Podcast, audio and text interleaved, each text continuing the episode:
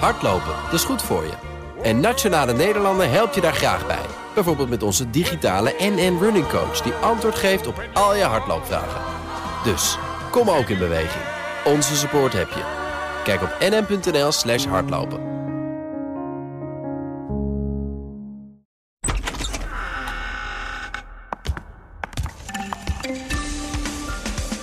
Dit is Nieuwsroom Den Haag.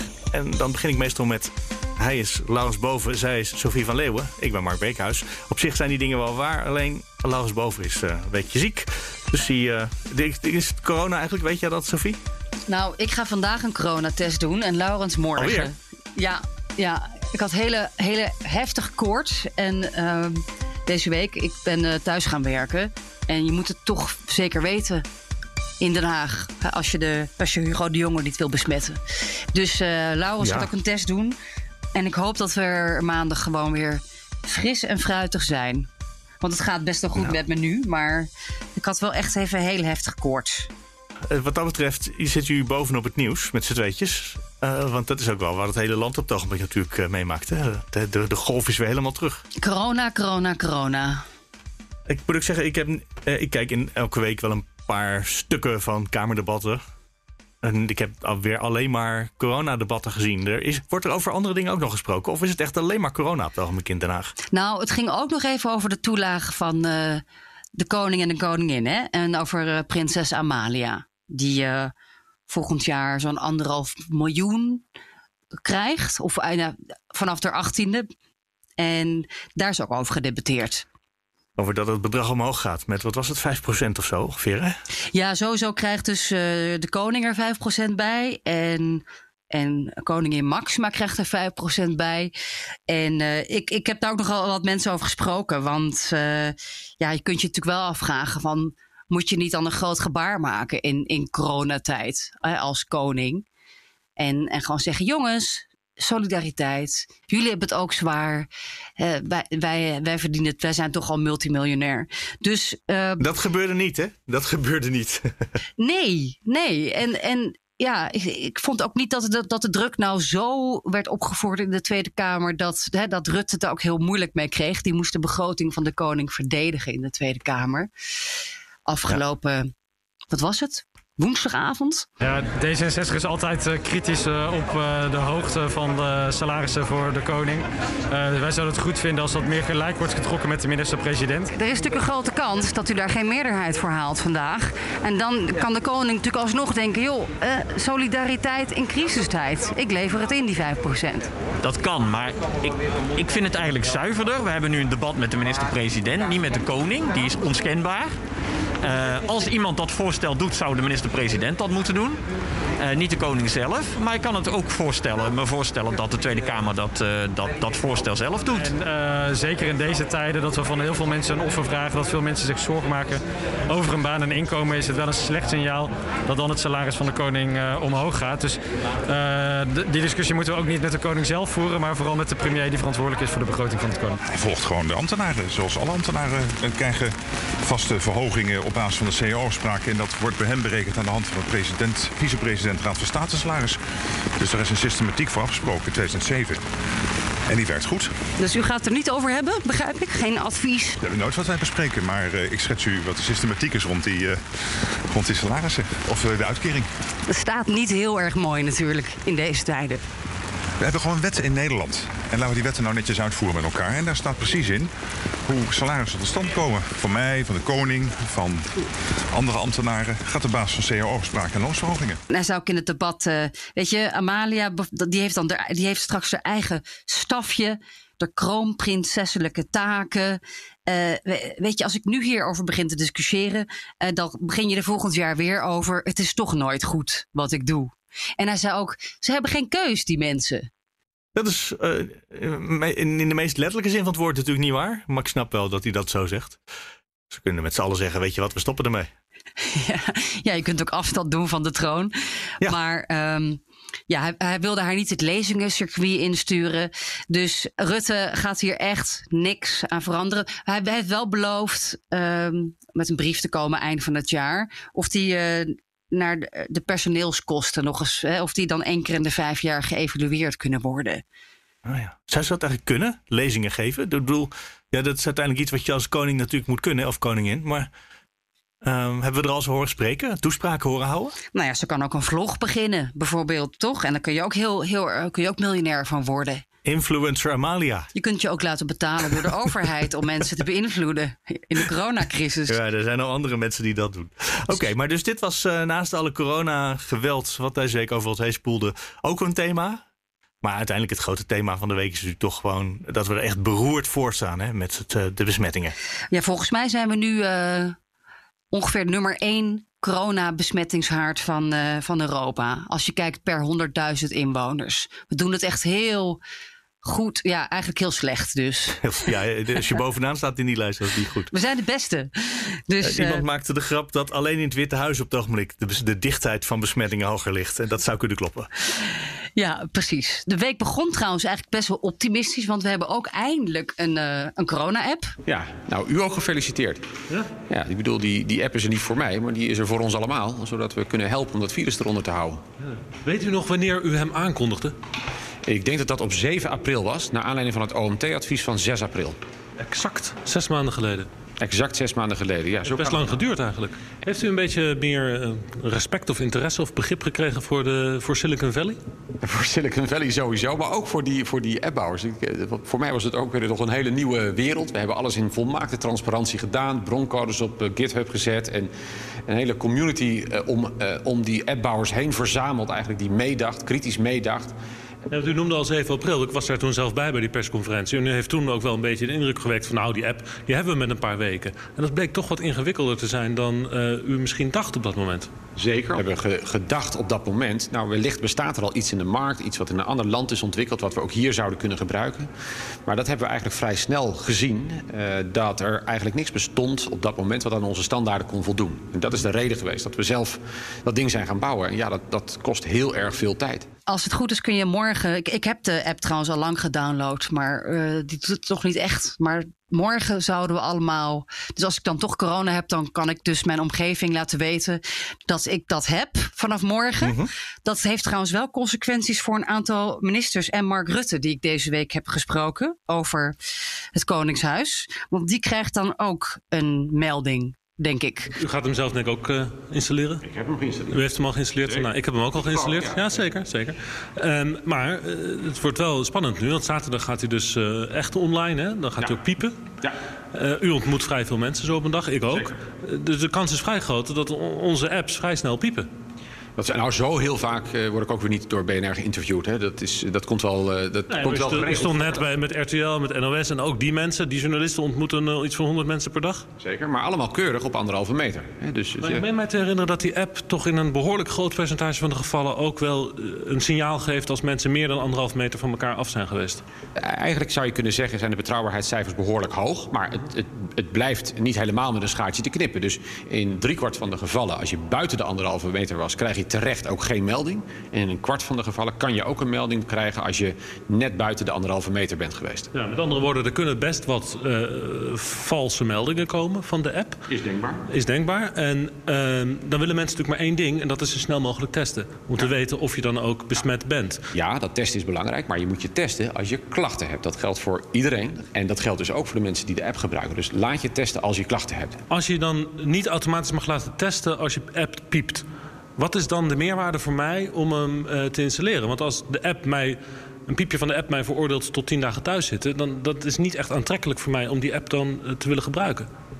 Maar als u het zo zegt, dan ben ik het ook wel heel erg oneens met, eh, met, met die manier van kijken. Wat je namelijk wilt, neem ik aan, en ik weet dat u zo in elkaar zit, en zo zitten gelukkig heel veel mensen in elkaar, is dat je die keten van besmettingen wilt doorbreken. Dus als je het Doet een beroep op mijn, mijn collectieve denken. Absoluut. Eh, bijna Kennedyaans zou je kunnen zeggen. Hè? Ask not what your country can do for you. Maar vraag wat jij voor je land kan doen om te helpen om dat virus eronder te krijgen. En dus is het zo dat als je een advies krijgt van de GGD om tien dagen eh, thuis op je kont te zitten, dan ga je dat gewoon doen. Er zijn natuurlijk eh, mensen die heel veel mensen per dag moeten ontmoeten. Zoals eh, de premier en ministers, zoals eh, journalisten. Die krijgen waarschijnlijk, als ze die app gebruiken, ongelooflijk vaak eh, berichten straks. Ja, en dat zou ik eigenlijk wel willen weten. Wat gebeurt er dan? De kans is best wel groot. Ja, dat uh, ook, ook de jongen, hè, bijvoorbeeld, die met Laurens vier keer heeft gesproken deze week. Laurens, die ja, ook een Laurens test moet, is.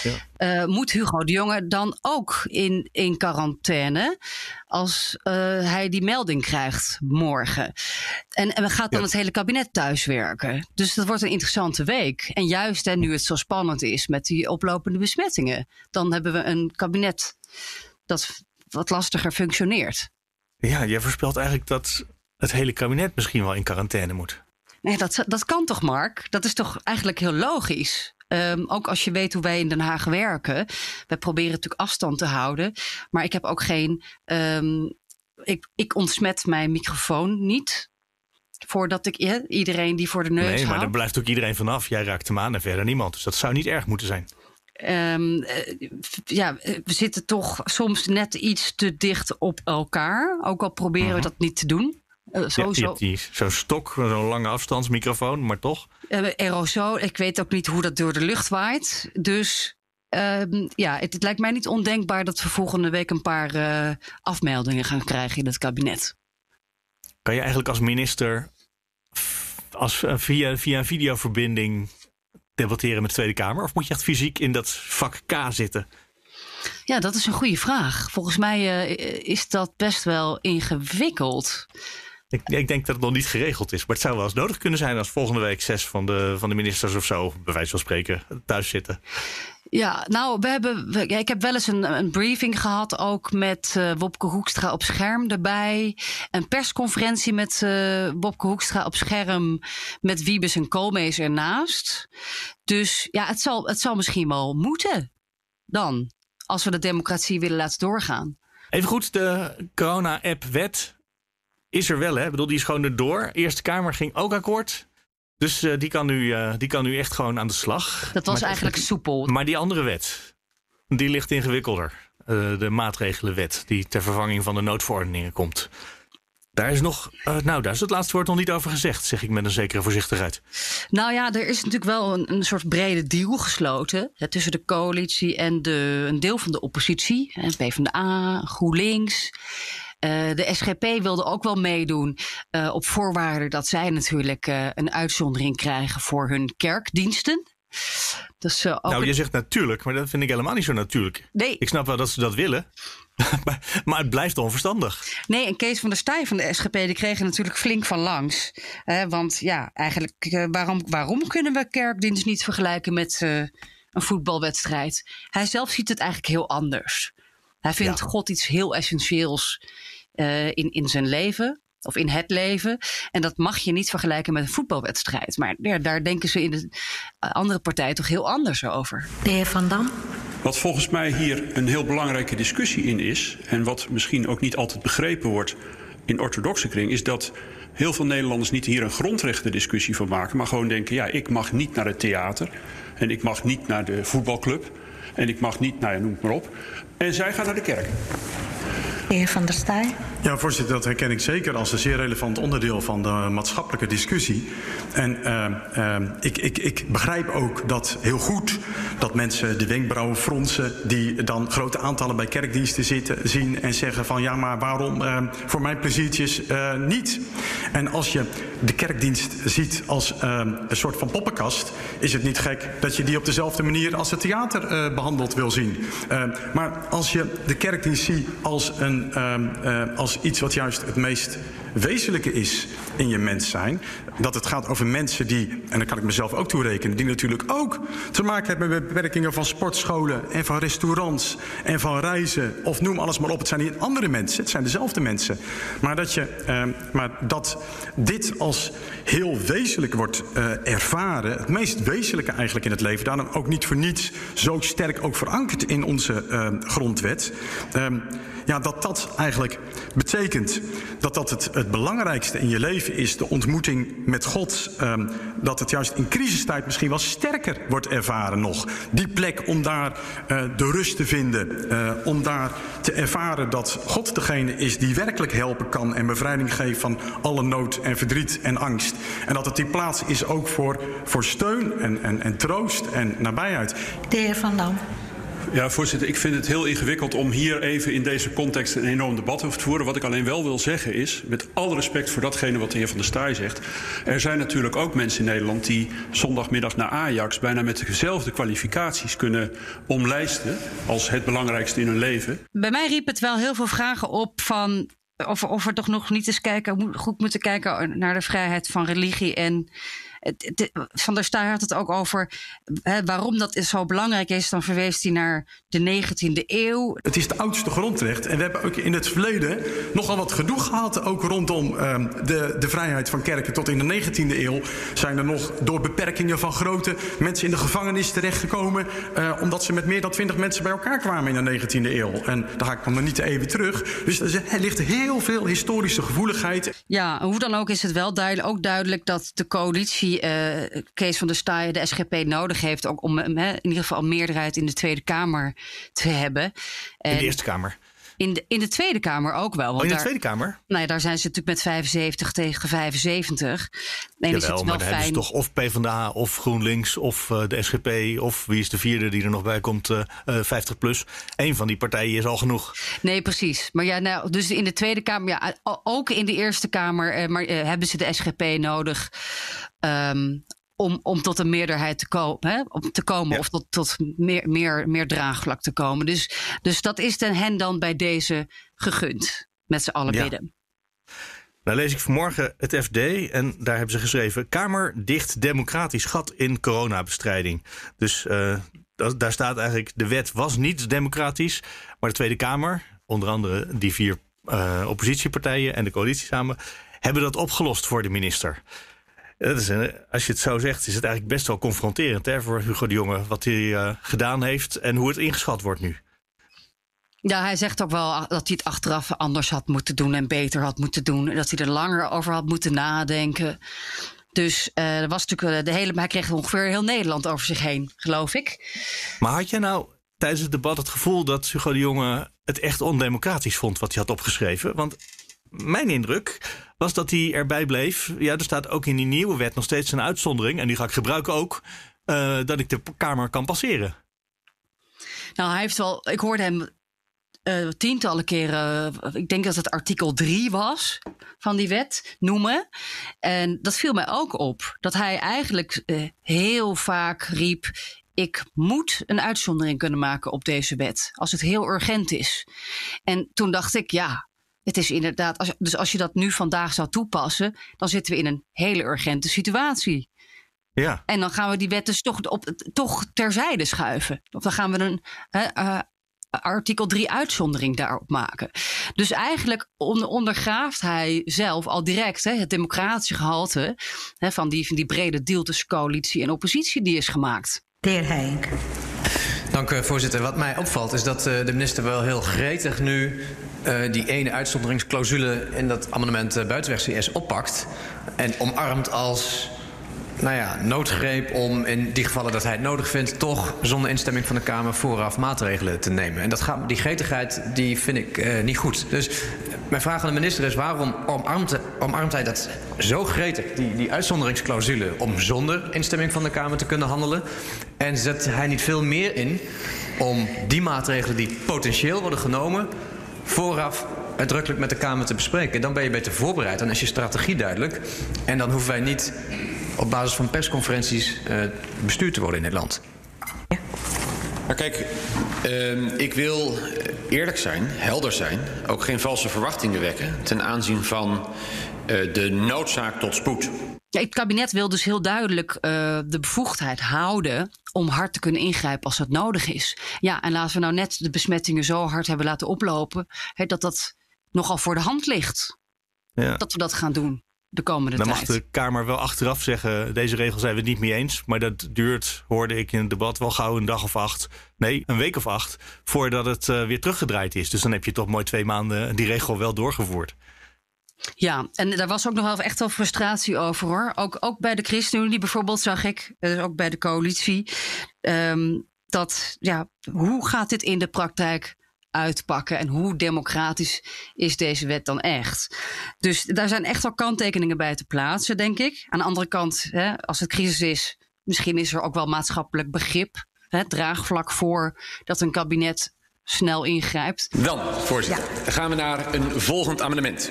One down, 12 to go. Van Maar de... meneer Heijk, u, u bent net geweest. Bent u wat vergeten? Ja? Een klein puntje van orde. Wij hadden namelijk, eh, we hebben Buitenweg net eh, eh, gehad. Ehm, wij hebben een klein subamendement gemaakt op Oh, dat amendement. Is het misschien handig dat we dat nu meteen doen? In, de- in, de- in relatie tot elkaar? Ja. Ik weet niet wat Ja, dat lijkt een fantastische choreografie, maar dan moet ik hem er even bij hebben. Ja, dat Welk nummer is het? 36 of 37. Eh, 37. Dat gaat er namelijk over. Ik zal ook iets eh, toelichten. Dan kan de minister hem ondertussen opzoeken. Dat gaat over de vraag 37. eh, waarom alleen de Tweede Kamer instemming moet verlenen voor eh, de regelingen. En waarom de Eerste Kamer in deze gepasseerd wordt. En dat zouden wij graag herstellen. Ja. Nou, niet zozeer gepasseerd. Alleen, eh, ja, het betekent wel dat je de- het debat over de inhoud van een ministeriële regeling, eh, over de voortzetting van het primaat, ligt daarbij natuurlijk wel in de Tweede Kamer. Dus dit amendement lag inderdaad onder op mijn stapeltje, maar dit amendement zou ik echt willen ontraden. Oh, want wa- waarom zou de Eerste Kamer niet, in, eh, niet meedoen dan? Dat is toch altijd zo?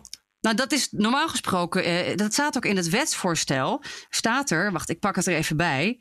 Ehm, de Tweede Kamer en de Eerste Kamer krijgen met dit wetsvoorstel meer zeggenschap over zowel het juridische kader, daar hebben we het nu over, als over de concreet te nemen maatregelen. Dat staat dus in, hè, in, in het wetsvoorstel. Dat staat dus nu in hetgene wat we hebben, waar we, wat we hebben bekrachtigd.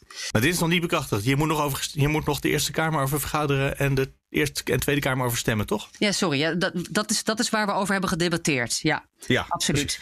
Ehm, en dan staat er ook nog. En toen, toen, toen begon eh, dus de SP, die, die zei: Nou, dus moeten we eigenlijk met al die maatregelen ook langs de Eerste Kamer. Om te vragen of zij het ook goed vinden. En de Eerste Kamer, dat is natuurlijk. Daar heeft het kabinet geen meerderheid en hebben ze steun nodig van de oppositie. Dat werd er dan niet bij gezegd. En vervolgens eh, vond Hugo de Jonge dat eigenlijk helemaal niet nodig. Die zei, ja, ik ga met jullie al debatteren. Het is aardig van mij dat ik daar de tijd voor wil nemen per maatregel. En dan moet ik ook nog eens het debat over gaan doen in de Tweede Kamer, in de Eerste Kamer. Dat vond hij eigenlijk een beetje onzin. Dan zegt hij eigenlijk, laten we de Eerste Kamer afschaffen. Want dat is wat ze altijd doen in de Eerste Kamer. Eh, ja, dus dan, dan eh, d- d- d- daar begon de, de SP op te, op te hakken. Van, hè, dan, dus dat, dan ondergraaft u eigenlijk hè, ons hele, hele systeem van hoe wij wetten bedenken. Ja, maar dat gaan we niet per maatregel doen. Ik snap het ook vanuit Hugo de Jonge wel. Die dacht eerst, ik kan het zelf regelen. En nou moet ik via die wet die geamendeerd wordt door de Tweede Kamer... moet ik met de Tweede Kamer gaan praten. Moet ik dan ook nog met de Eerste Kamer gaan praten? Ik snap wel dat dat eigenlijk niet is wat hij wil. Maar alle andere wetten gaan door de Tweede en de Eerste Kamer. En zijn argument is ook van, we krijgen nu dan bekrachtigingsrecht. Hè, dus eh, dan, dan moet de Tweede Kamer er even zijn handtekening onder zetten. Dus dat geldt dan niet voor de Eerste Kamer, vindt hij. Nou, vervolgens eh, probeerde de SP het nog een keer. Toen zei, zei hij, laten we dan afspreken dat eh, als deze periode afloopt van drie maanden... dus dan allemaal tijdelijk hè, dit...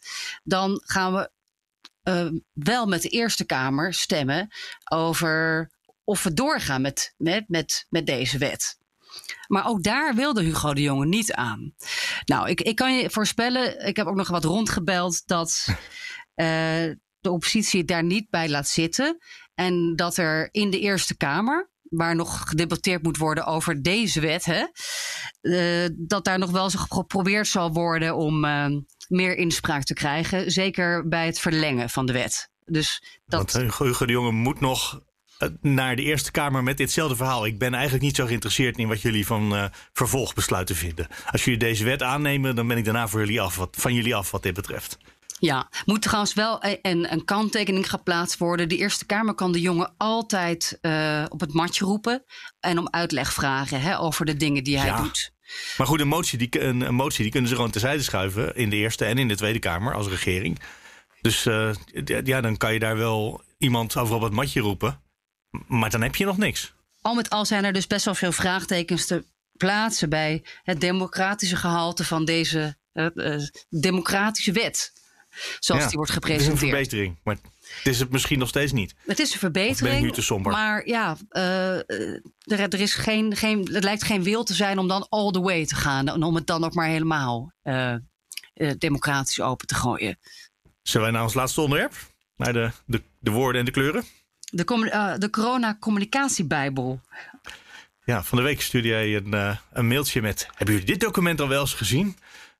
De corona-communicatiebijbel. Nou, zo heet hij niet officieel, toch? Hij heet officieel, pak hem er even bij... Handreiking communicatie aanpak coronavirus. En daarin staan. Nou, nee, we gaan het zo over woorden hebben. Maar het allerleukste vind ik dat we ook drie kleuren hebben die horen bij de communicatie van de overheid over corona. Heb je dat gemerkt eigenlijk? Nou, ehm, ja, ik, niet echt. Ja, wel op zich. Bij, bij die persconferenties is natuurlijk de achtergrond dan lichtblauw. Dat- Wat volgens mij staat voor openheid, transparantie en vertrouwen. En overheid die je vertrouwt. En samen krijgen wij eh, corona. Eronder. ja. Maar nee, het was me niet echt opgevallen. Nee, jou, nee jou en lichtblauw hoort er ook niet bij. Lichtblauw hoort er niet. Nee, het was mij ook niet opgevallen. Maar het, het is donkergeel en robijnrood en donkerblauw. Eh, hoewel ik het voor donkerblauw nog niet eens zo'n hele donkere kleur blauw vind. Maar Ja, het was mij Ehm, eigenlijk niet echt opgevallen. Nee, die kleuren. En ik weet ook niet zo goed wat ze betekenen. Wat, ze daar, wa- wat, eh, wat de communicatiekracht daarachter is.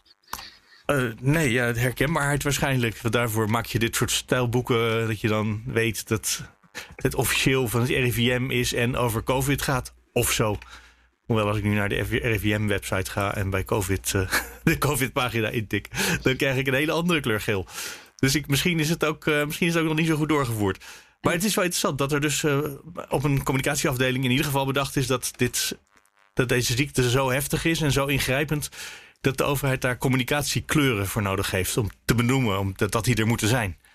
Ja, ehm, voor, de her- Ehm. ja, voor de herkenbaarheid van de communicatie. En dit maakt natuurlijk ook allemaal deel uit van dat, dat mega communicatieplan. Hè, van dat kernteam eh, crisiscommunicatie. Dus die ook eh, met al, die onderzoeken hebben gedaan met gedragswetenschappers, communicatie-experts. Maar deze handleiding is bedoeld, eh, denk ik, om iedereen die dus hiermee te maken heeft, en ambtenaren en mensen die dat allemaal moeten communiceren, om die neuzen dezelfde kant op te krijgen. Ja.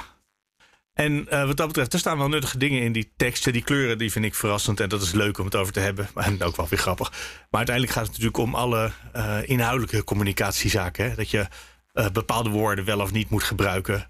Ehm, Oud-Hollandse woorden doen het goed. Mits gedoseerd gebruikt. Woorden die je weinig gebruikt, maar meteen herkent. Behoedzaam. Snakken naar.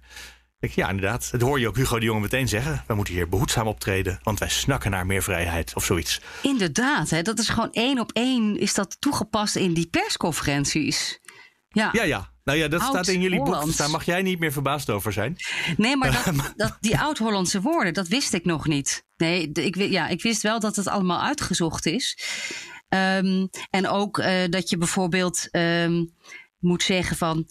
eh, we wassen onze handen in plaats van eh, je moet je handen wassen. Dus moet eigenlijk een, een soort beschrijvende, doenende taal zijn. Je moet mensen niet te Ja, veel vermijd dwingen. drukte, geef elkaar ruimte, gebiedende wijs, eh, maar wel op een beleefde, vriendelijke manier. En het gebruik van we is ook heel belangrijk. Dat we doen het samen, voor elkaar bovendien nog eens. We hebben met z'n allen de verruiming voor elkaar gekregen. Dat is... eh, ja, we staan samen hiervoor. Oh, samen krijgen we corona, wat je eigenlijk net al zei. Ja, je- Zo, alleen, krijgen, alleen samen krijgen we corona eronder. Die staat gelukkig ook gewoon hierin. Ja, je moet, Eh, je op moet- zich is het geen nieuws, hè, die documenten. Dit, iedereen had dit gewoon van de website kunnen plukken. Maar het is wel leuk om te zien hoe het werkt. Ja, de- eh, ook, ook wel grappig is dat ze dus eigenlijk adviseren om woorden met stopkracht, zoals ze dat noemen, te gebruiken. Dus eigenlijk ongebruikelijke woorden die je dan juist wel beter onthoudt of zo. Juist omdat ze ongebruikelijk zijn. En dat gaat dan bijvoorbeeld over de intelligente lockdown en over de anderhalve meter samenleving. Dus dat zijn Ja. woorden die, dat noemen ze dan een stopkracht hebben. Ik ken het woord stopkracht alleen uit eh, de wereld van de etalages van de winkels. Want dat je daar, dat je daar dan langs loopt en dat daar iets gebeurt wat jou doet stoppen. Dus dan heeft het stopkracht fysiek. Ja, ik denk... Dus het is een mooie beeldspraak. En dat is ook iets wat ze zelf adviseren trouwens. Dat je veel beeldspraken gebruikt. Gebruik beeldende taal. Nou, ik denk dat je dan even stopt als je dat hoort. Dat je denkt, wat, huh, Ja. wat, wat bedoelen ze daar eigenlijk Ja, mee? Dat betekent dat, oh, anderhalve meter. Dus- En, maar ze houden zich niet helemaal aan het boek. Want ik lees dat moeilijke woorden, testcapaciteit, dat dat eigenlijk niet kan. En als we iemand dat veel hebben horen zeggen, is het wel de minister van Coronazaken. Ja, dan moet ik aan Hugo de Jonge zeggen. Ja, die gebruikt Ja, heel vaak precies. het woord eh, testcapaciteit. Dat moet je dus niet meer doen, volgens deze handleiding. Nee. Maar dat geldt ook voor woorden zoals ehm, opschalen, afschalen, ehm, ja, managementjargon. Exit-strategie. Exit-strategie. ja, we hebben allebei hetzelfde document voor.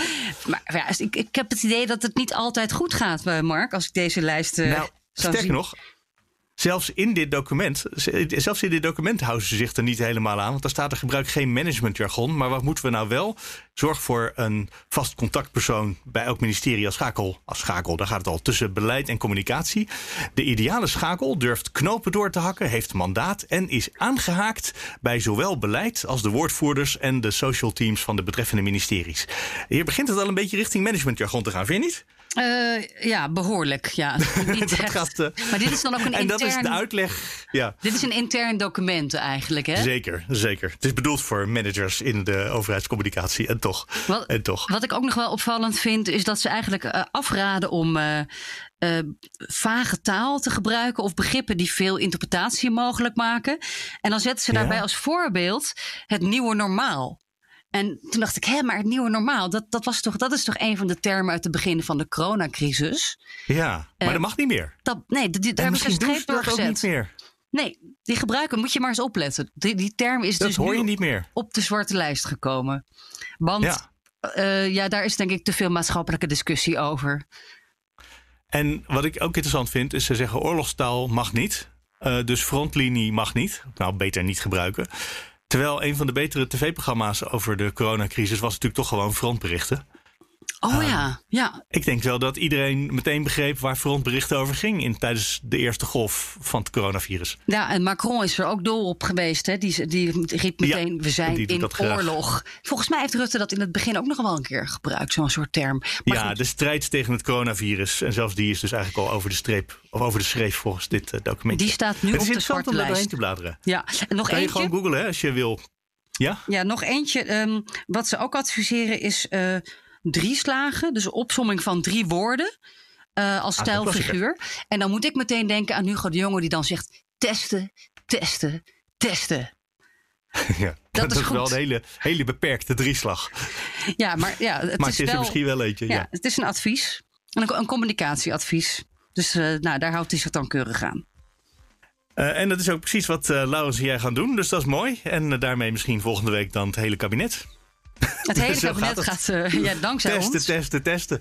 Ja, Testen, testen, testen. ik denk dat we aan het einde komen, Sofie, voor vandaag. Voor deze week. Oh, ik moet Ehm, inderdaad eh, naar de personeelsbijeenkomst over vijf minuten vertellen over dat boek. Dat is ook nog waar, ja, precies. Want het boek, wat ik af en toe zo nog eens even als je uh, en passant er tussendoor gooi, dat moet ook nog steeds voor de collega's van de FD Media groepen, vooral van de krant, nog even gepresenteerd worden. Dus Ja. daar ga je nu naartoe. Ja, daar waren we eh, Ehm, nog niet naartoe gekomen, helaas, dankzij eh, corona. Dan eh dankjewel, Sophie. Eh, mensen die maandag weer een podcast willen horen, nou, die zouden zich kunnen abonneren op Nieuwsroom. Want maandag is er weer een Nieuwsroom. Op vrijdag is er weer een Nieuwsroom Den Haag. Hopelijk dan weer met Laurens en Sophie. En met mijzelf ook weer. Dus tot volgende week.